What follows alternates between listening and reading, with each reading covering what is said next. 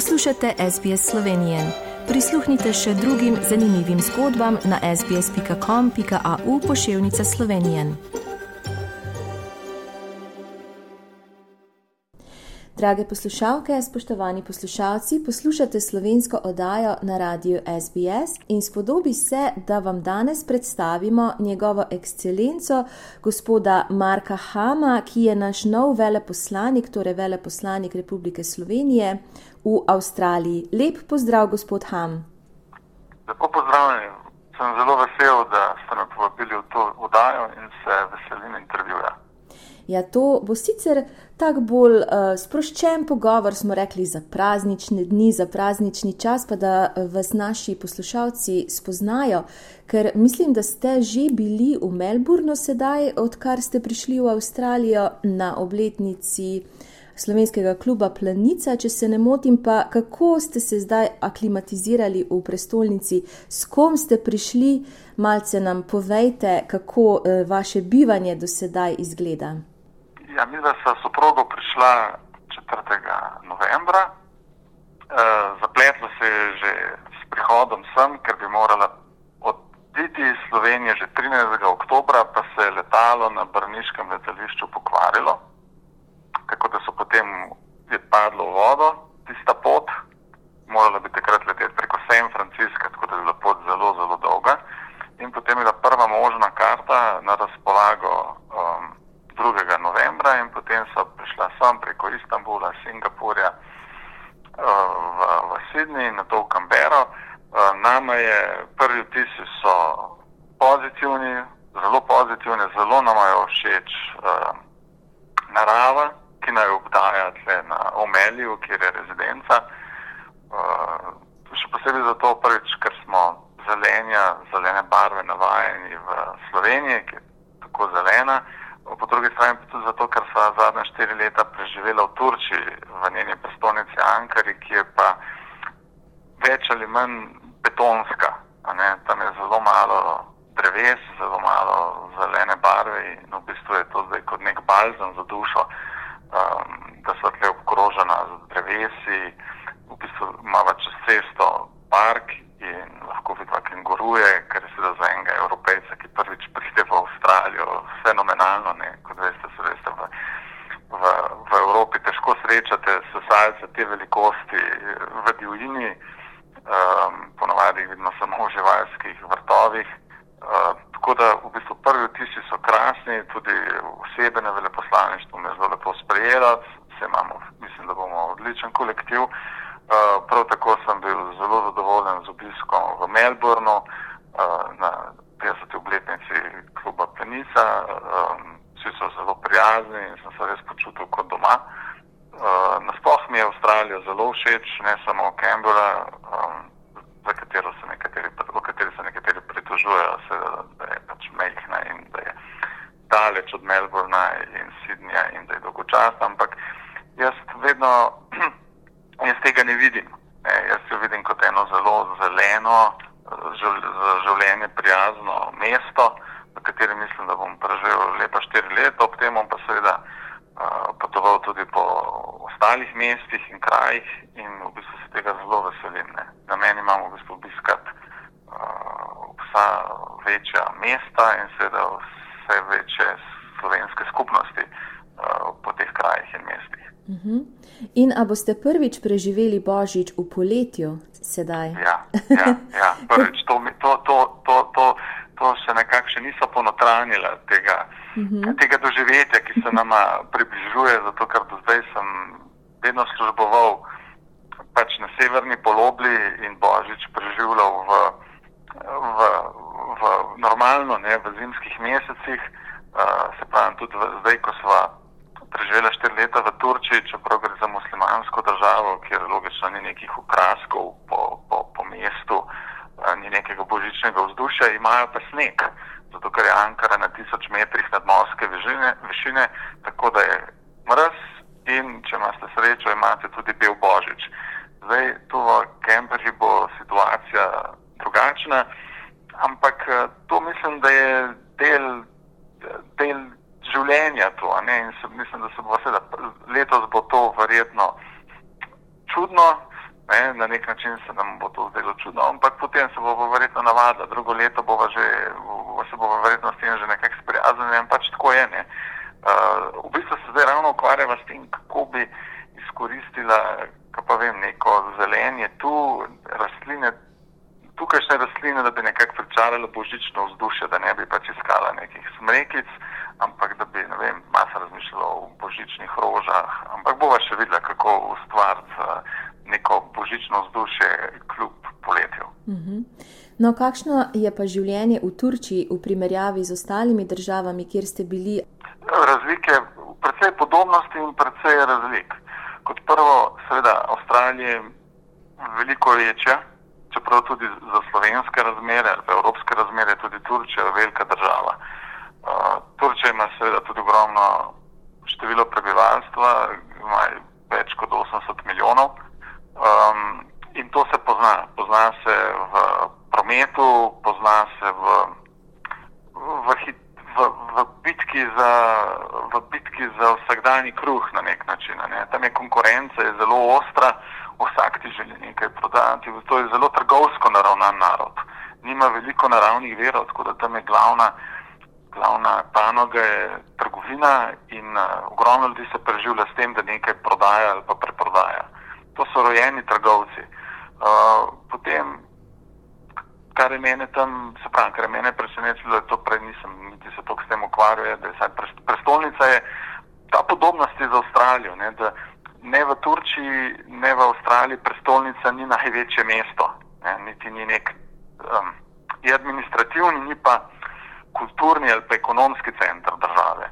V Turčiji je to Istanbul, uh, tu pa stotle, tu pa je, mislim, da je Kambera še šesto največje mesto, tako da jih je vsaj pet večjih od njega. Um, tako da v bistvu je to zdaj že druga država, v kateri delam, uh, mislim, v drugi prestolnici, ki v bistvu ni središče države na nek način, saj ne ekonomsko-kulturne, kot sem omenil. Drugače pa mislim, da oba naroda druži neka prijaznost, odprtost do tujcev. Uh, mislim, naroda neposredno druži seveda tudi spomin na Prvo svetovno vojno. Um, Avstralsko veleposlaništvo in Novozelandsko veleposlaništvo vedno organizirata spominsko slovesnost o podbitki uh, pri Galipoliju. Turčija je v po dolgem, dolga okrog 1500 km, potem od severa proti jugu okoli 500, je zelo raznolika. Ne, na, na severu imate Črnomorsko obalo, ki je zelo zelena, mal, malo spominja na Slovenijo, potem medtem ko jug ali pa jugovzhod, tam na meji s Sirijo, Irakom, je pa čisto druga pokrajina. To je pa že, imate občutek, da ste blizu bližnjega vzhoda. To je v bistvu zelo zanimivo. Ne. Ker, ker greste lahko iz ene regije v drugo in je, in je, in je takšna razlika. Tako kot v Avstraliji, v končni fazi. Ne. Imate tu popolnoma drugačno klimo, kot je gori v Darwinu. Uh mhm. -huh. Ampak Turčija, glavna razlika pa seveda med Avstralijo in Turčijo, bi rekel, pa seveda v tej neki, v enem kulturnem substratu. Uh, Anatolija je v bistvu zibelka civilizacij na nek način, tam je bilo vsaj deset, če ne več, večjih civilizacij, ki so obstajale skozi zgodovino in praktično tam, kjerkoli zasadite lopato, boste našli na neke arheološke ostanke, od hititov, pa, pa, pa grkov, protogrških kultur. Uh, mislim, to je neverjetno, kakšno, kakšna kulturna zakladnica ali arheološka zakladnica je Turčija. Ogromno je neodkopanega. Um, tako da to, če, če ima kdo kakšno če koga zanima zgodovina, arheologija, je seveda Turčija, mislim, obljubljena država. Je pa treba paziti, če posebno kakšni nedobudni turisti si potem kdaj za spominek želijo, želijo vzeti kakšen kamenček, um, seveda, del kakšnega spomenika. In če jih odkrijejo na meji, imajo lahko resne težave. Ne? Se gre uh -huh. zaradi tega tudi v zapor, ker vas lahko obtožijo kraj kulturne dediščine. Ne? Tako da sem poslušalcem opozoril, če ste kdaj po Turčiji in če ste na kakšnem um, arheološkem najdišču, se ne daje ničesar v žepe, ne, zato ker imate lahko velike države. Ne. Se spomnim, da je enkrat je šla ena slovenska družina in je dal otrok nek kamen, nek, neko zadevo v žep in so imeli potem starši precejšnje težave. Uh -huh. uh, zato ker se, se tam, v, ta, to je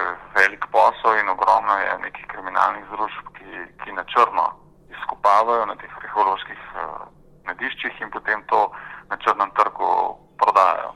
Neka prednost Slovenije, saj v turističnem smislu, je v tem, da si lahko nekdo, ki nima časa, da bi si ogledal tako raznolikost v Avstraliji ali pa v Turčiji, v Sloveniji dejansko lahko to izkusil v dveh dneh. Jaz sem bil prav presenečen, kako je v Sloveniji ta kulturna raznolikost pokrajine, vsaj kar se arhitekture tiče, imate tipske, tipske uh, gorenske hiše, imate tipske dolenske hiše, belokranske, primorske.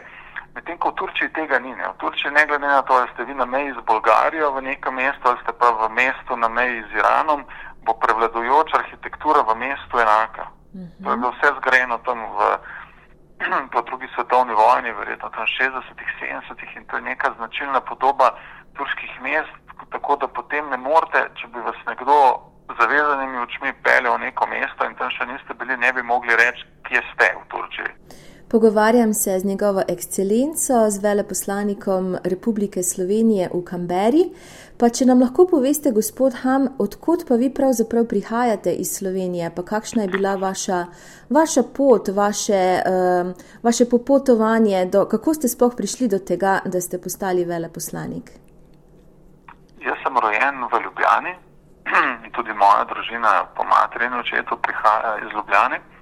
Mm, ampak za ravnoteže v življenju sem se poročil uh, uh, svojo soprogo, ki prihaja iz Savinske doline. Um, tako da jaz sem v bistvu rojen Ljubljančan, ki sem tam obiskoval osnovno, srednjo šolo in tudi dve fakulteti. Jaz sem diplomirani politolog in profesor francoščine sem pa že v času študija prijavil za kadrovsko štipendijo Ministrstva za zunanje zadeve, ki sem jo dobil. Uh, in potem, sem, potem je bila pot karjerna relativno preprosta. Ne. Po končanju diplomi so me povabili na ministrstvo na pogovor, izrazili interes, da bi, se, da bi me vzeli kot pripravnika. Uh, jaz sem to seveda z veseljem sprejel, ker me je to delo vedno zanimalo in sem, mi je bila to v bistvu tudi motivacija za študij.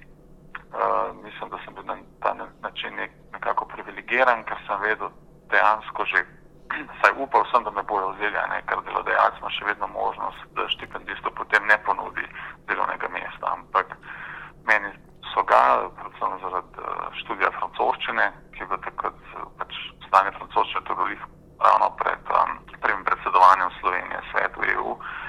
So potrebovali frankofone. Tako da sem potem začel uh, z delom na ministrstvu, kjer sem se na začetku ukvarjal z razvojno in humanitarno pomočjo mednarodno. Potem sem šel na prvo izobraževanje v tujino, na veleposlaništvo v Beogradu, kjer sem preživel dva meseca. Potem sem pa relativno hitro dobil štiriletni mandat v Ženevi.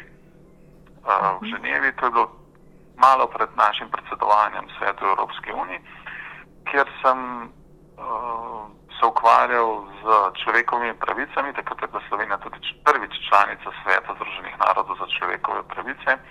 Ukvarjal sem se tudi z migracijami, um, potem sem se ukvarjal z mednarodno organizacijo dela, to je ena najstarejših mednarodnih organizacij, ki je edina tripartitna organizacija. To pomeni, da organizaciji glasu nimajo zgolj predstavniki vlad, ampak tudi predstavniki delodajalcev in delojemalcev. Tako da to je zelo ena zanimiva organizacija, ki pa v bistvu skrbi za globalno spoštovanje mednarodno sprejetih standardov na področju varovanja delavcev. Se pravi, prepoved prisilnega dela, prepoved otroškega dela, pravica do združevanja, pravica do mirnega zbiranja, se pravi stavke itd. In seveda, kadar kakšna država to krši, jo potem, vkolikor je zadostna podpora znotraj treh, treh skupin, se proti njej uvedejo neke vrste sankcije. Ne. Um, da, poleg tega sem se ukvarjal tudi z Rdečim križem. Ženeva je en izmed svetovnih centrov mednarodnih organizacij. Se pravi, nekje od humanitarne pomoči do človekovih pravic se pa vse to seveda prepleta. Tako da to je bilo za mene eno izjemno poučno uh, obdobje. Imel sem tudi zelo bom rekel, zelo sposobnega veleposlanika, kot nadrejenega, me, od katerega sem se naučil veliko in sem mu zelo hvaležen za to. Imel sem tudi krasne sodelavke in sodelavce in v bistvu mi je bilo veselje in je še zdaj, da je bila prva pot v tujino um, v bistvu tako pozitivna, tako z profesionalnega kot zasebnega uh, aspekta. Uh, po Ženevi, po štirih letih Ženeve, sem, šel, sem se vrnil na ministrstvo, kjer sem delal v direktoratu za multilateralo, to pomeni za mednarodne organizacije, kamor ta direktorat se ukvarja um, tako z Združenimi narodi, kot NATO, kot organizacijo za varnost in sodelovanje v Evropi, uh, kot z uh, svetom Evrope. Naprimer. Tako da v bistvu sem to, kar sem počel v Ženevi, sem tam uh, lahko uh, pridoma izkoristil. V bistvu sem se pa še zaradi tega, ker je pač zelo krog direktorata širši, naučil še toliko več o mednarodnih organizacijah. Potem sem šel v Pariz za štiri leta, tam sem, tam sem se ukvarjal, tam sem bil kot nek politični svetovalec in vodja um, konzularnega oddelka. Tam sem tudi prvič prišel v stik s katero izmed izseljenskih slovenskih skupnosti.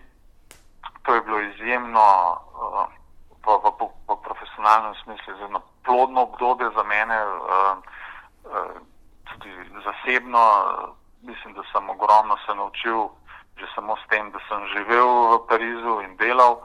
To je bilo žal obdobje terorističnih napadov, tako da sem bil tam tako, ko, tako med tem terorističnim napadom na, na, na časnik Charlie Hebdo, kot potem čez nekaj mesecev na Bataclan.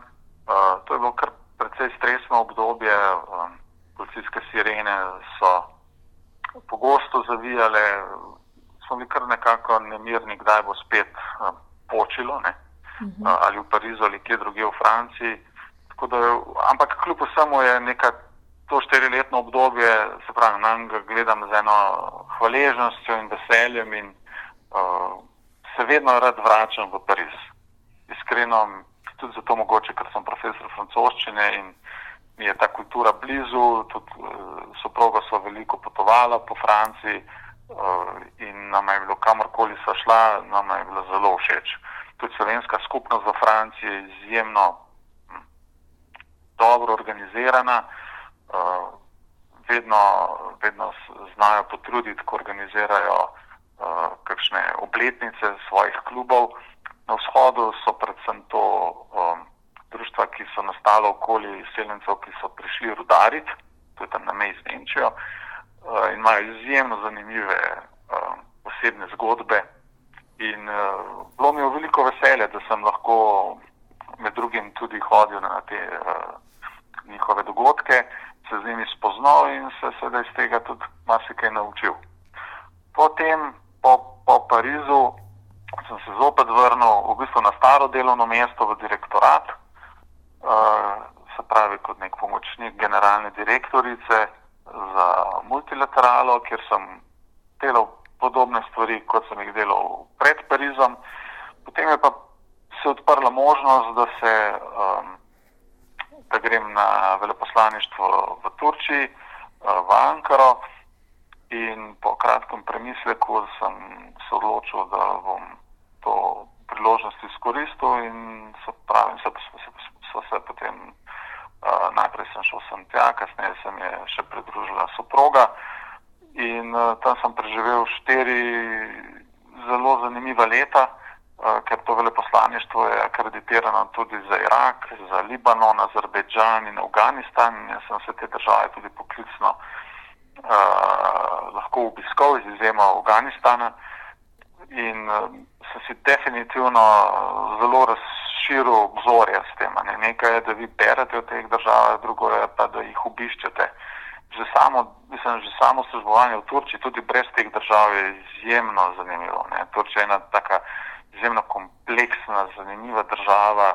Z eno nogo je v Evropi, z drugo je v Srednji Aziji. Če bi imela tri noge, bi bila še na Bližnjem vzhodu. Tako da Um, to je izjemno zanimivo poklic. Ne? Mislim, neka prednost slovenskih veleposlaništv je v tem ravno, da smo majhni in si potem ponavadi kreditiran tudi za več drugih držav, ne samo za rezidenčno. In Turčija je bila glede tega, mislim, res, res super odločitev. Po štirih letih, um, se pravi, sem pa potem, je, kot veste, ne, imamo štir, štiri letne mandate, vmes sem se že uh, prijavil za mesto veleposlanika v, v Avstraliji in ga, in ga tudi dobil. Tako da zdaj sem tu in z velikim optimizmom in motivacijo gledam na naslednje štiri leta. No, in upam, da vas bodo vse posod, kjer boste, da vas bodo Slovenci sprejeli tako, kot se spodobi, ker smo Slovenci smo zelo ponosni na korenine tukaj pod Južnim križem in smo zelo gostoljubni, tako da, se, da, da vas z veseljem pričakujejo. In se vam zahvaljujem danes za ta pogovor, gospod veleposlanik, in seveda k malu nasvidenje. Hvala lepa vam za povabilo. Bilo mi je veliko veselje, da sem se lahko malo uh, pogovarjala in upam, da je bila moja pripoved posla, poslušalcem zanimiva. Všečkaj, deli, komentiraj. Spremljaj SBS Slovenijo na Facebooku.